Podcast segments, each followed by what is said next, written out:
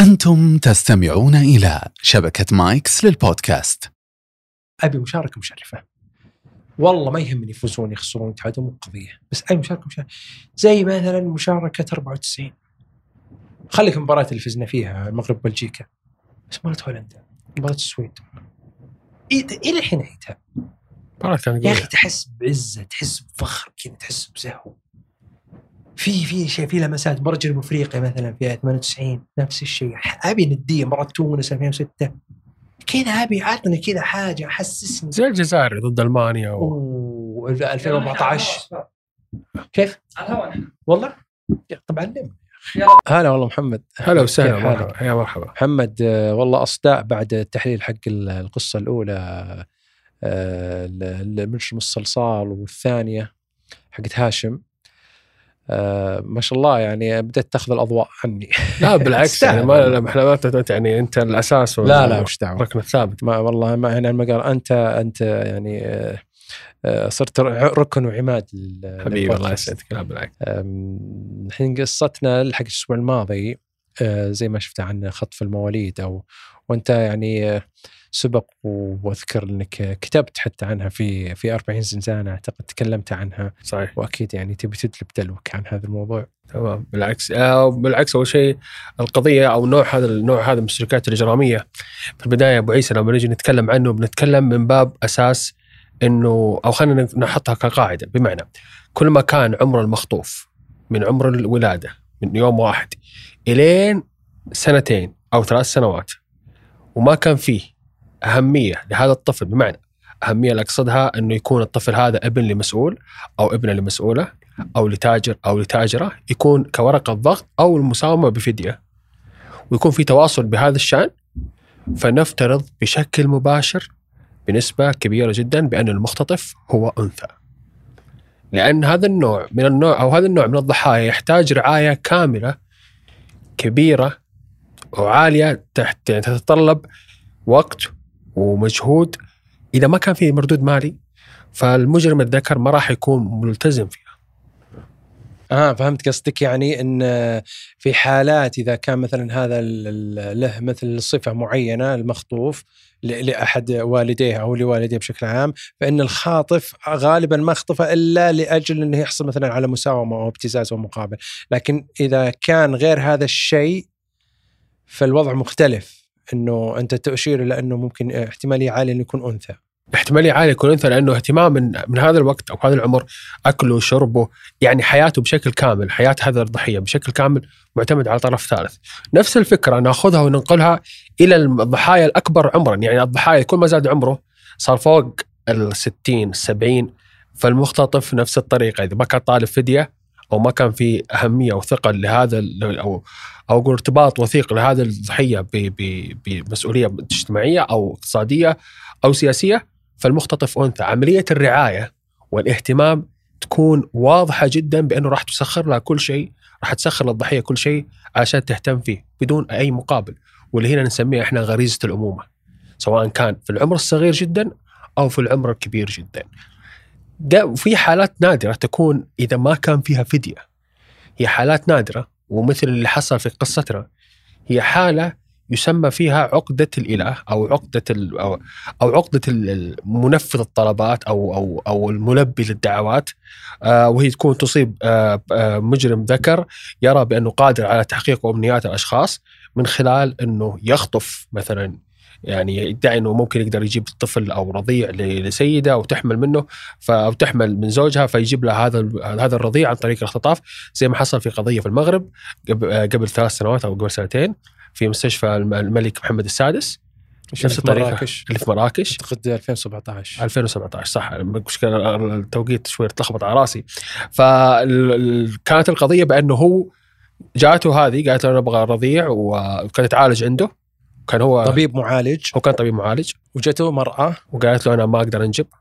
فقال لها ما عندك مشكلة أنا أجيب لك الطفل وأنت تهتمي فيه.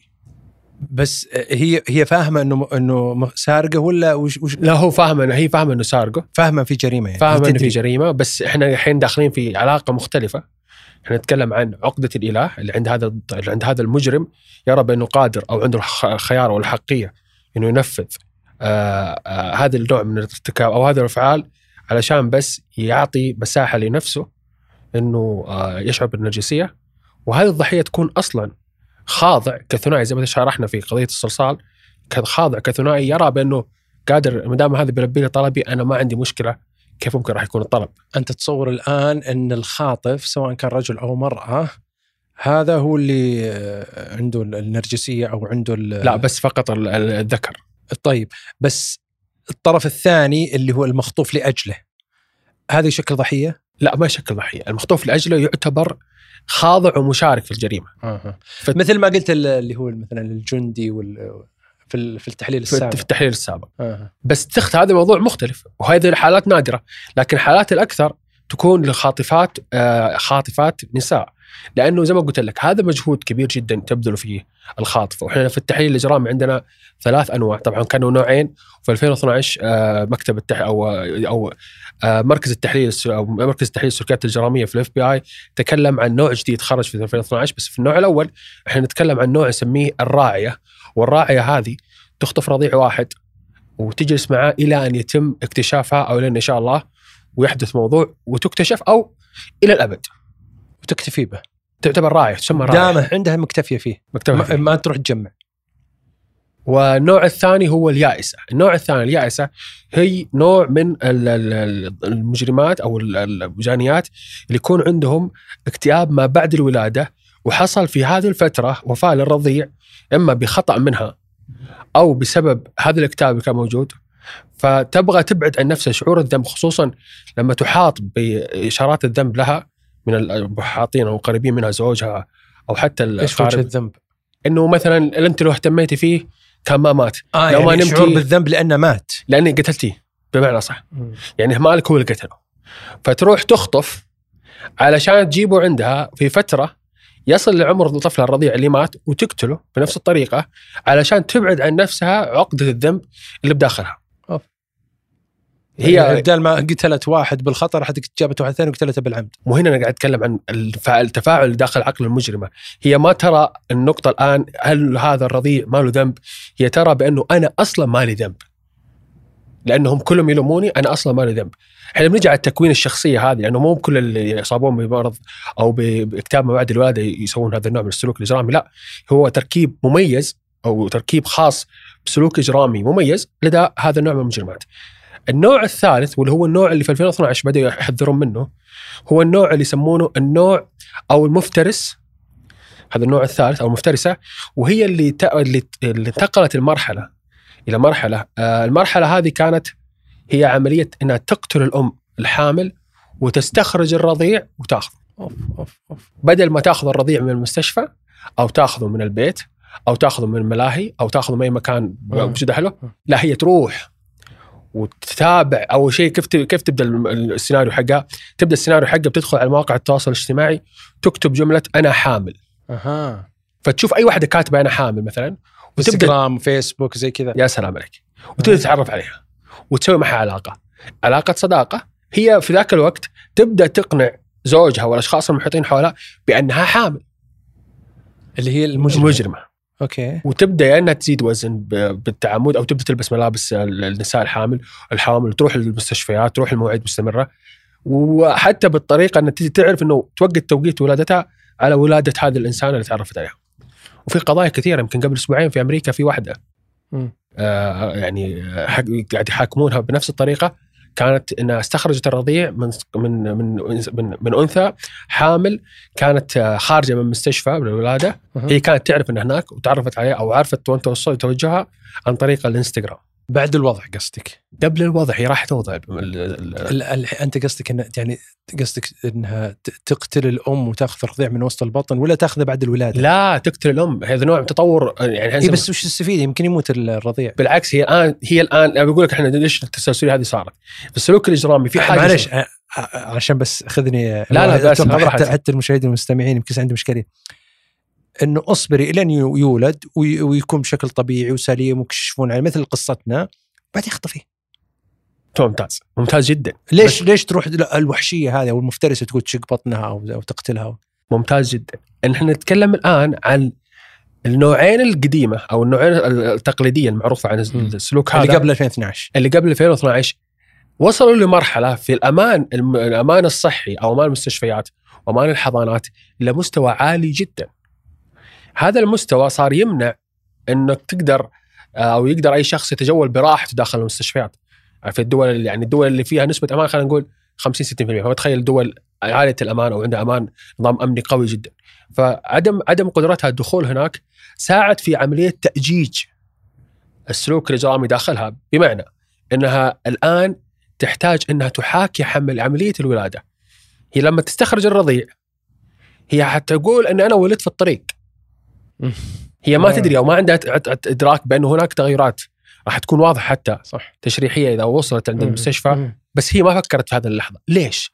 لأنه هذا النوع بالتحديد اللي تكلموا عن النوع الجديد يعاني من الكذب المرضي، تكذب مم. ورا كذبة ورا كذبة لدرجة إن الكذبة تكبر عليها فتصير عندها نوع من عملية الارتجال، لما بس ك- كشفها سهل يعني. يعني أبسط علامات علامات حيوية تكشفها. ممتاز. لأن هي ما فكرت في النقطة هذه، هي فكرت الآن أنا كيف أكذب على زوج وأقول أنا حامل.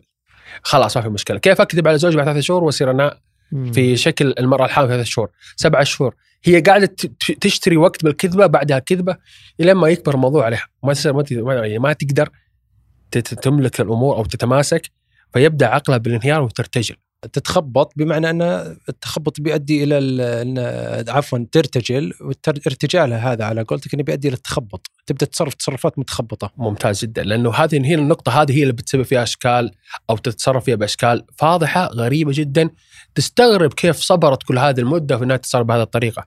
بس هي ما دام إنها ارتكبت هذا الفعل الوحشي وهذه العملية هذه عملية القتل واللي هي أصلا ما هي معروفة عنهم بمعنى إنهم كانوا كانت النقطة يعني في السلوك التقليدي لهم كان السلوك هذا هي عملية الخطف الرضيع بشكل سالم ويكون موجود عندها إلى فترة. نرى بأنه هل هي هل هي راعية أو يائسة يكون متحكم فيه بعد سبع أيام. إحنا بنرجع لموضوع السبع أيام في الفترة اللي طيب معلش معلش سؤال أنت يوم قلت الوحشيه أنا حتى خفت يعني تقتلها وهي لحظة يعني وهي في المستشفى راح تولد ولا تقتلها قبل ما تولد في بيتها قبل ما قبل ما تروح المستشفى آه قصدك لما صادقتها في فيسبوك وإنستغرام وكذا وقامت مع علاقة وعرفت بيتها وعرفت كذا كذا تروح لها البيت قبل الولادة وتقتلها وتأخذ الطفل أو تكون تدوراتها برا ال- العيادات. تراجعها لأن هي عارفة كل المعلومات. صح. وهذه كمان نصيحة نقول دائما خلوا في معلومات سريه يعني بالموضوع. خل عندي حتى خصوصية يعني وش اللي تقدر تسولف أنا حامل وصلت الشهر الثالث وراح الرابع وقاعده تقضي ترى طلع ولد طلع بنت ما- هي هذه النقطة، هذه النقطة وهذه لأن هم هذول كيف يصيدون؟ كيف يعرفون المعلومات هذه؟ كيف تبني خيالها؟ كيف تبدأ حتى تحاكي ذا الواقع على واقعها بكذبات وتقنع المجتمع اللي حولها بهذه الطريقة. آه بس لما نيجي نشوف أصلا بشكل أك... الحين إحنا دخلنا بشكل آه خلينا نتكلم بشكل عام لما نيجي نشوف بشكل أقرب لما نيجي لأول شيء للراعية واللي يعتبر هو الأكثر انتماء لانتماء الخاطفة للرضيع لأن هي تحتفظ بالرضيع إلى أن يتم اكتشافه.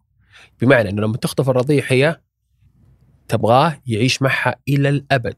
بمعنى الأبد هذا ممكن يكون فعلا إلى الأبد أو فعلا إلى أن يتم إلقاء القبض عليها وكشف موضوع اختفائها. آه في هذا النوع من المجرمات مو بلازم يكون عندها عقم أو مو لازم يكون عندها مشاكل في الحمل، ممكن تكون سيدة أنجبت ولكن فقدت قدرتها على الإنجاب بسبب مرض أو تكون سيدة تقدمت في العمر. فترى بأنه آه يعني خصوصا أنا أتكلم عن حالات قرأتها ودرستها أتكلم على على الصورة النمطية الخاصة بهذه الأنثى عن نفسها بأنه إذا نتكلم عن نظرة الأنثى هذه المجرمة لنفسها بأنه إذا فقدت قدرتها على الإنجاب فهي تفقد وجودها في المجتمع.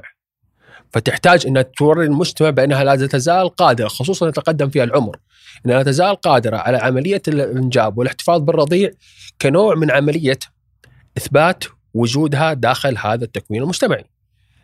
نعم جريمة ونعم الطريقة غير طبيعية وغير المفروض يعني ما أدري كيف يفكرون فيها ولكن في مقولة إحنا نقولها جنون جنون المجتمع هو منطق المجرم، المجرم ما راح يفكر زي ما نفكر إحنا، هي بتفكر الآن كتصنيف أو كص- كصفة شخصية بالنسبة لها هي تقول لك أنا لي الحق، هي سيكوباثيه، هي تقول لك أنا لي الحق إني أعيش. إيش الأشياء اللي توفر لي من هذه المعيشة؟ أنا راح أسويها مهما كان. الموضوع خطر أو غير خطر أو صعب أو خطأ قانوني أو غير صح. قانوني جريمة غير أي ما تفرق معها أنا أهم شيء أبغى أكون بيني وبين نفسي راضي عن هذه النقطة.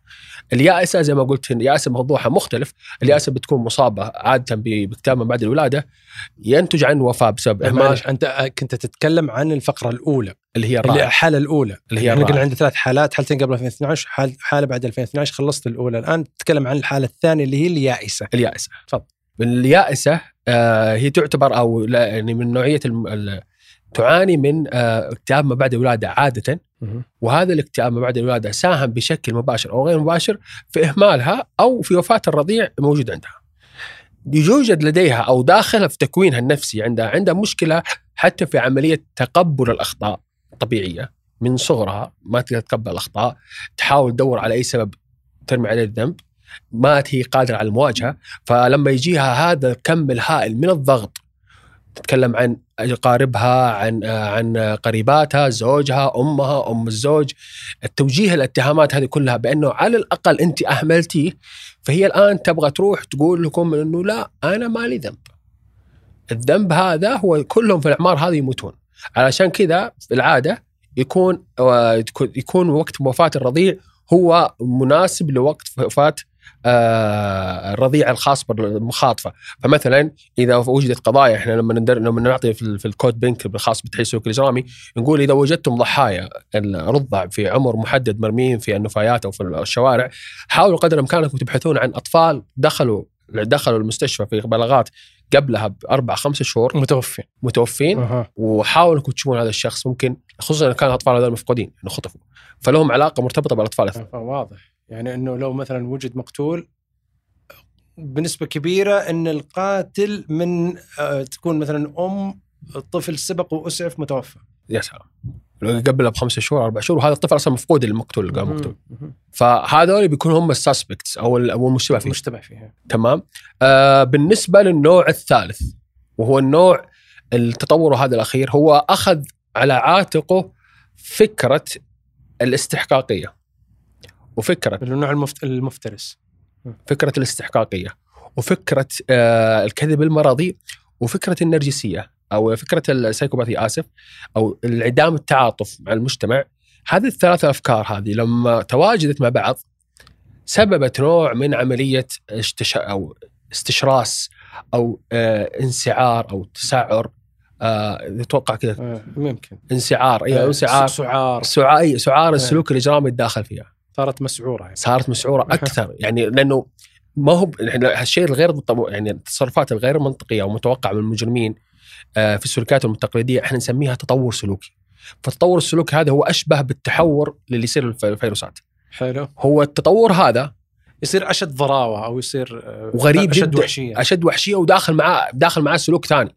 يعني هي الآن دخلت فيها من سلوك إنها سلوك القتل وسلوك الاختطاف. يعني هي الآن ترى على فكرة هي لما جات وسوت هذه الجريمة ترى ما جات سوتها من باب الطاقة لا. هي راحت قرأت كتب تشريح راحت كتب قرأت كتب كيف تولدون وكل وكيف استخراج الرضيع بدون ما يتوفى. أخذت كل الإجراءات الاحترازية في نقطة إنه أنا لما أتصرف كيف آخذ وبقلل أخ... بقلل الأضرار. لما أوصل المستشفى عادي أنا ممكن آخذ ال- ال- الماء اللي كان موجود حوله وأبدأ أدهن نفسي فيه وأقول اني ولدت في السيارة. أوف. وايش اللي يشهد في النقطة هذه هي في بعقلها؟ إيش إيش اللي كان يدعم الصورة هذه؟ الكذب المتتالي بأنها حامل في فترة ماضية ففي ناس يشهدوا لها بأنها حامل. آه. فما هو مستغرب انها تولد عكس الحالتين الأولى. الحالتين الأولى أنت كيف جبت الرضيع؟ ما جبتيه. عكس الحالة الثالثة. الثالثة تقول لك هذا التصرف هذا الطبيعي أنا حامل ست شهور؟ أكيد حولد الآن. ولدت في الطريق. ما حبدي أولد في الطريق؟ صح. عكس الأولين. فهي أخذت مرحلة مرحلة أبعد والمرحله الابعد هذه هي تعتبر أكثر اقناعا للمجتمع اللي حولها في البداية. لكن أسوأ في النهاية. ومثل آه، في قصتنا لما قلنا إنه كان معلق مع عماد حكاية ال- الولادة المنزلية وإنه يصير يعني مو شرط إنها ولدت في الطريق يعني ولادة منزلية أقرب للتقبل الذهني من من الولادة في الطريق مثلا. يا سلام عليك. هي هذه النقطة إنه هي زي ما قلت كانت في قصتنا. الأماكن هذه هي كل ما كانت موجودة أو خلينا نقول كل ما كان فيه عدم مراقبة أو عدم إحصاء لعملية أو خلينا نقول بعد الأشخاص عن المستشفيات ووجود النظام القديم اللي نسميهم الدايات أو مولدات هذولي. النظام هذا القابلة. آه القابلات هي القابلات. آه تحية لهم يمكن عشان بس نرسلهم من هنا. آه كان موجود آه أو كان وجودهم هذا يسهل فكرة إنه برضو إحنا عندنا كمان نقطة خطيرة إن ممكن الطفل هذا إذا ولد في هذا المو- الموضوع أو في هذه المنطقة ممكن فعلا يعرض يتعرض للاختطاف أو يتعرض للتبادل أو يعني بشكل خطأ. طيب النقطة الثالثة والمهمة أو النقطة الرابعة المهمة في زي في قصتها المذكوره وجود الذكر في في ال- في الجريمة هذه. حلو لابد أن يكون هناك وجود ذكر.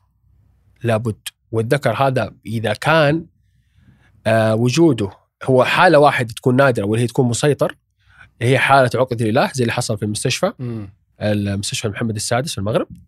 وهذا حالة نادرة لكن المعروف في. في خطف الرضع بالذات إذا كانت الخاطفة أنثى فتحتاج ذكر خاضع يساعدها في عملية الإجلاء أو عملية الإخراج. إحنا نسميه وحش فرانكشتاين. آه، القصة الشهيرة إنه فرانكشتاين سوى له وحش عشان بس يقوم بمهام البيت ويساعده في هذا في في في أعماله وفي تجاربه. هي نفس الطريقة هي تبدأ تأخذ هذا الشريك الذكر تتقبله مجتمعيا. تبدأ تعطيه القيمة لأنه هو مو حاس بقيمته في المجتمع.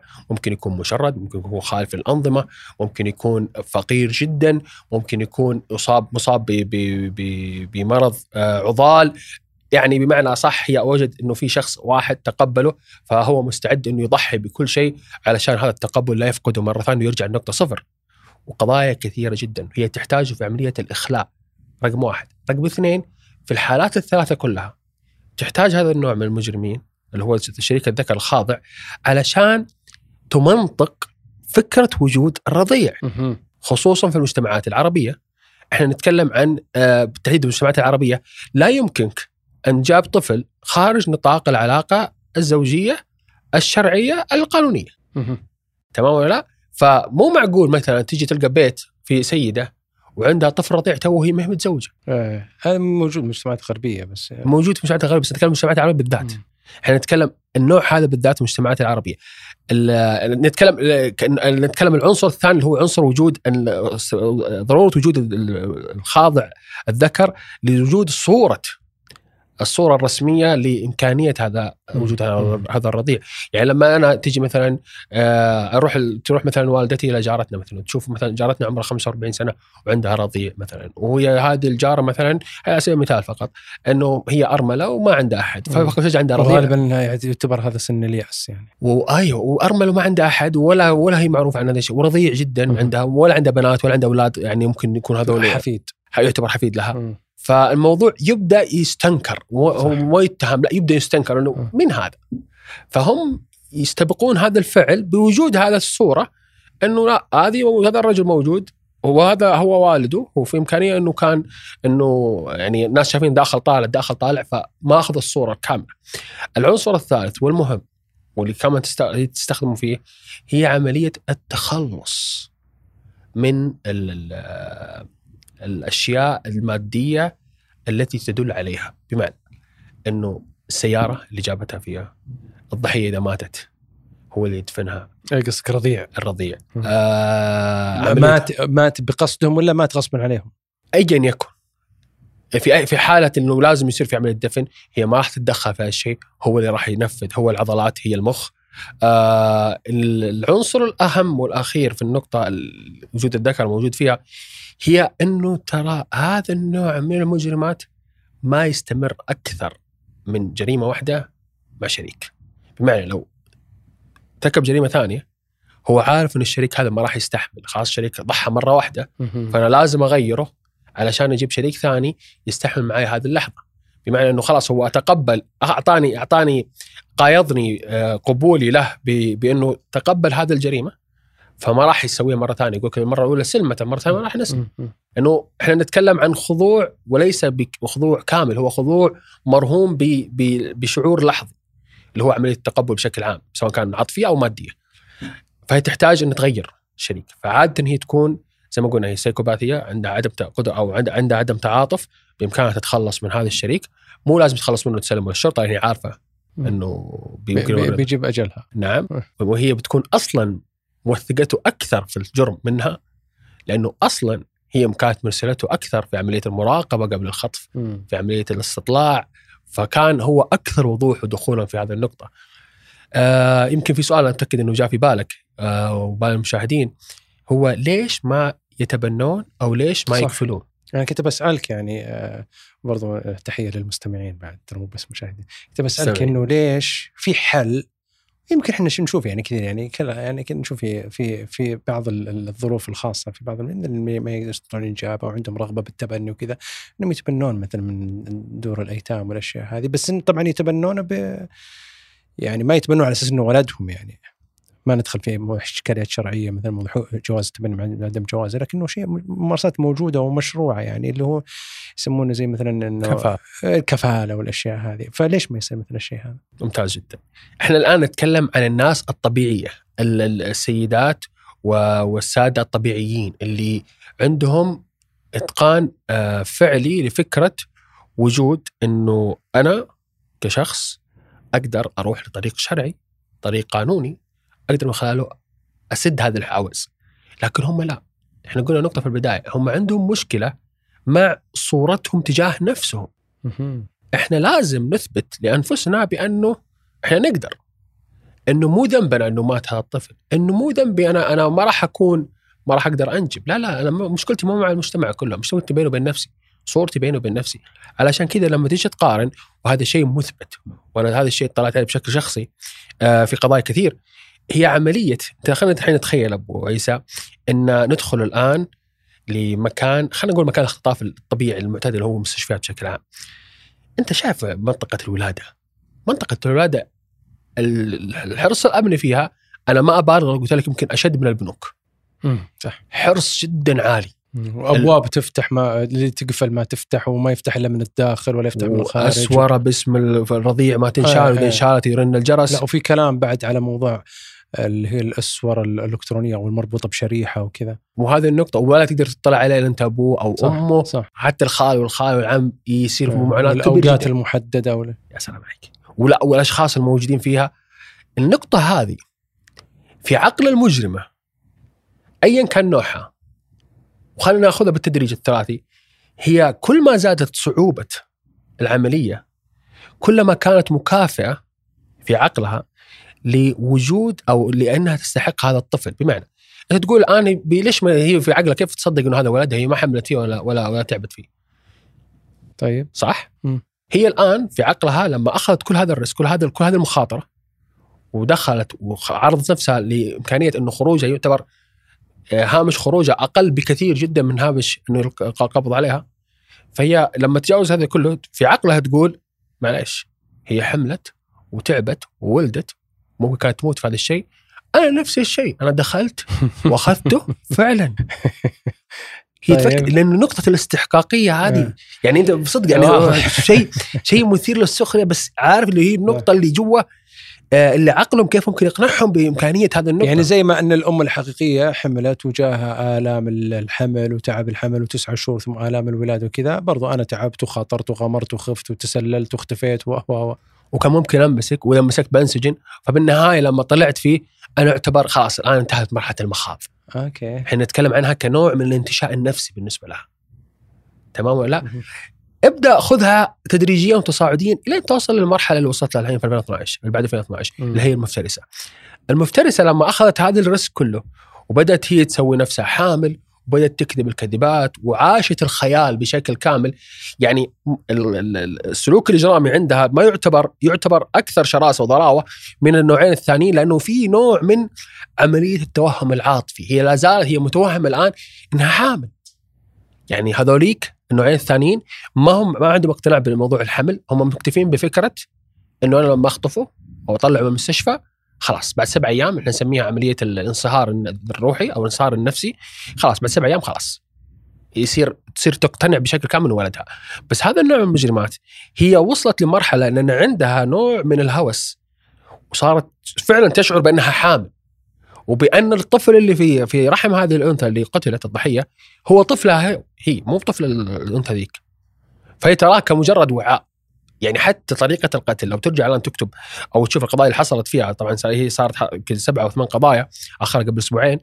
آه في فكرة آه أو أكثر من أسبوعين هي فكرة إنه في نوع من الدموية في القتل بمعنى ما في نوع من التنظيم. يعني في شيء شرس ك... أنت شفت لما تجيك هدية؟ مع فارق التشبيه يعني تسمحوا لي فيها. آه لما تجيك هدية وأنت مستعجل تبى تطلعها تركب بسرعة. تقطع عنف وتقطع. إيوه تخرب ال- ال- التغليف بشكل كامل. هي بنفس الطريقة. عشان توصل لهذه النقطة. فلما تستخرجه وتأخذه هي الآن ما تعرف إيش تسوي خلاص. مخها رسم سيناريو كامل إلين فترة أخذ الرضيع توهقت فيها الحين. الآن هي رايحة المستشفى مقتنعة إنه اللي بيساعدها هو ال backup أو الدعم أو الدعم القصصي اللي كان موجود لها من تسع شهور. بس لما تيجي عند الدكتور وفاهم بيعرف إنه حتى لو إنها قابلة حتى القابلة بتعرف بسبب بخبرتها بإنه ما في أي نوع من التغيرات الحيوية اثبت تثبت إنها حام إنها ولدت. فهنا تكشف. آه قضايا يمكن اللي حصلت وفي شوف وفي قضايا تعتبر خلينا نسميها نادئه أو قليلة الحدوث. إيه، فعلا هم يكونون محتاجين فيها وجود الأنثى لأنه زي ما قلت لك اهتمام أو حياة هذا النوع من الضحايا بشكل كامل بيكون مرتبط بمن اختطفه وإذا ما كان في فائده مادية فمستحيل رجل أو ذكر ممكن يتقبل بهذه النقطة. لأنه إحنا بنتكلم عن شعور غريزي خلق الله ولكن تم تصريفه بشكل منحرف بناء على عقلية منحرفة محددة في عقل هذه المجرمة. فقبولها لهذه النقطة ممكن تكون فعلا حتى يكون عندنا عصابة وهي زوجتك حالات نادرة تكون عندنا عصابة. العصابة هذه لازم تكون مكونة أكثر يكون مثلا مسيطر فيها ذكر واحد أو اثنين أو ثلاثة لكن لابد أن يكون فيها وجود أربع خمس ست إناث في عملية الرعاية لهذول الأطفال. صحيح. أنا تذكرت وأنت تتكلم وإن كان فيه يعني مع فارق التشبيه على موضوع إن الأنثى يكون عندها عاطفة وإن الذكر لو اختطف مو شرط إن إنه اختطف لغرض معين وقد لو طال الأمد يتورط.